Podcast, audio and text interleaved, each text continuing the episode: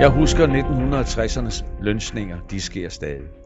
Mine medborgerrettighedsforkæmpere blev myrdet i 1960'erne, hvor lønsninger var almindelige. Det har desværre ikke ændret sig siden, skriver Ron Carver. Jeg var naiv, indtil jeg ikke var det længere. Som bare 18-årig kørte jeg dagen efter, jeg dimitterede fra gymnasiet fra Boston til Atlanta for at arbejde med studenternes ikke-voldelige koordinationskomité. To uger senere, den 21. juli 1964, hørte vi, at tre unge borgerrettighedsforkæmpere, James Cheney, Michael Swerner og Andrew Goodman, ikke var vendt hjem efter at have undersøgt nedbrændingen af en sort kirke nær Philadelphia i Mississippi. 30 kirker brændte den sommer. Jeg havde nattevagt og tilbragte aftener med at ringe til fængsler, hospitaler, politiet og FBI, i håb om at komme på sporet af de tre unge mænd. Jeg ringede til John Doar, lederen af Justitsministeriets borgerrettighedsafdeling, som bønfaldt lokale FBI-agenter om at deltage i eftersøgningen. Agenterne nægtede. Ved midnat ringede jeg tårvedet til drengenes forældre for at fortælle, at det ikke var lykkedes os at finde dem. 44 rejsesfulde dage senere blev borgerrettighedsforkæmperne fundet begravet i en jordvold. Sværner og Gutmann, begge hvide, var hver dræbt af en kugle i hjertet. Shaney, en sort mand, var blevet brutalt tævet og skudt adskillige gange. Ifølge en obduktionsrapport var Cheneys kæbe smadret. Hans venstre skulder og overarm var bare en blød masse. Højre underarm var brækket helt over, over flere steder, og kraniet var revnet og skubbet ind mod hjernen. Men det var ikke alt, man fandt. Da sømænd udsendt af floden at præsident Johnson trak vold i nærliggende floder og sumpe, fandt de endnu 10 sorte mænds lig. Nogle bundet med kabler og ræb.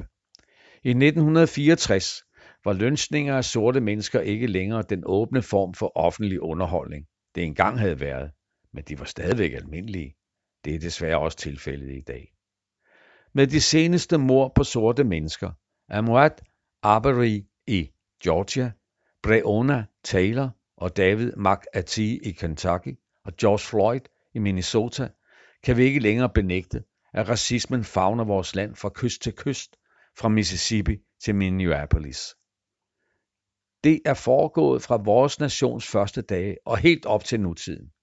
Og fra sidst i 1800-tallet og til i dag har betjente ustraffet, hvis ikke opmuntret, kunne få afløb for deres aggressioner på sorte mennesker, især når disse protesterer over at blive mishandlet.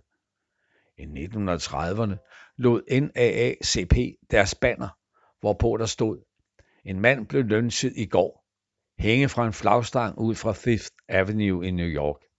Vi må genopleve den tradition, men nu, næsten 100 år senere, må vi gøre mere. Især hvide amerikanere kan ikke overlade det til andre at søge retfærdigheden selv. Vi må kræve mere end undersøgelser og fyringer. Vi må dømme dem, der begår disse forbrydelser til afsoning i højsikkerhedsfængsler, ikke på feriesorter med et minimum af sikkerhed, hvor de kan sidde sammen med politikere og andre kriminelle fra middel- og overklassen. Vi må også gøre en ende på masseanbringelser, kautionssystemet og på at udelukke folk, der har afsonet deres straf fra igen at kunne blive en del af samfundet. Og vi må udslette de juridiske og sociale strukturer, der fortsat gør skade på de tidligere slavegjorte amerikanske borgeres mentale sundhed og økonomi. I et land, der er bygget på skuldrene af mænd og kvinder, der bliver bragt til vores kyster i lænker. Hvis fængselsbetjentens kone, der tog telefonen, da jeg ringede dengang i 1964, havde fortalt sandheden, at de tre unge mænd faktisk var i det fængsel, eller hvis FBI havde gjort deres job, kunne Cheney, Sverber og Goodman stadig have været i live i dag. Dengang klagede Mississippi racister, at vi ville mere end bringe raceadskillelsen til ophør, at vi ville ændre deres måde at leve på. Det ville vi også, og det vil vi stadig. Vi må omsider gøre vidt overherredømme og racistiske aggressioner socialt og juridisk uacceptabelt. Og det er på høje tid. Og ikke kun i syden. Ron Carver underviser på Institut for Politik, har været aktivist for social retfærdighed siden 1964, hvor han arbejdede med studenternes ikke-voldelige koordinationskomité i Georgia og Mississippi. Dette personlige indlæg blev først publiceret af otherworlds.org. Du har lyttet til en artikel fra Arbejderen. Abonner på vores podcast på iTunes, eller hvor du ellers hører dine podcasts. Du kan også klikke ind på arbejderen.dk for meget mere journalistisk indhold. Du er også velkommen til at følge Arbejderen på YouTube, Facebook, Instagram eller Twitter, samt tilmelde dig Arbejderens daglige opdatering på Messenger. Vil du i kontakt med redaktionen, kan det ske ved at sende en mail til redaktion arbejderen.dk. Tak fordi du lyttede med.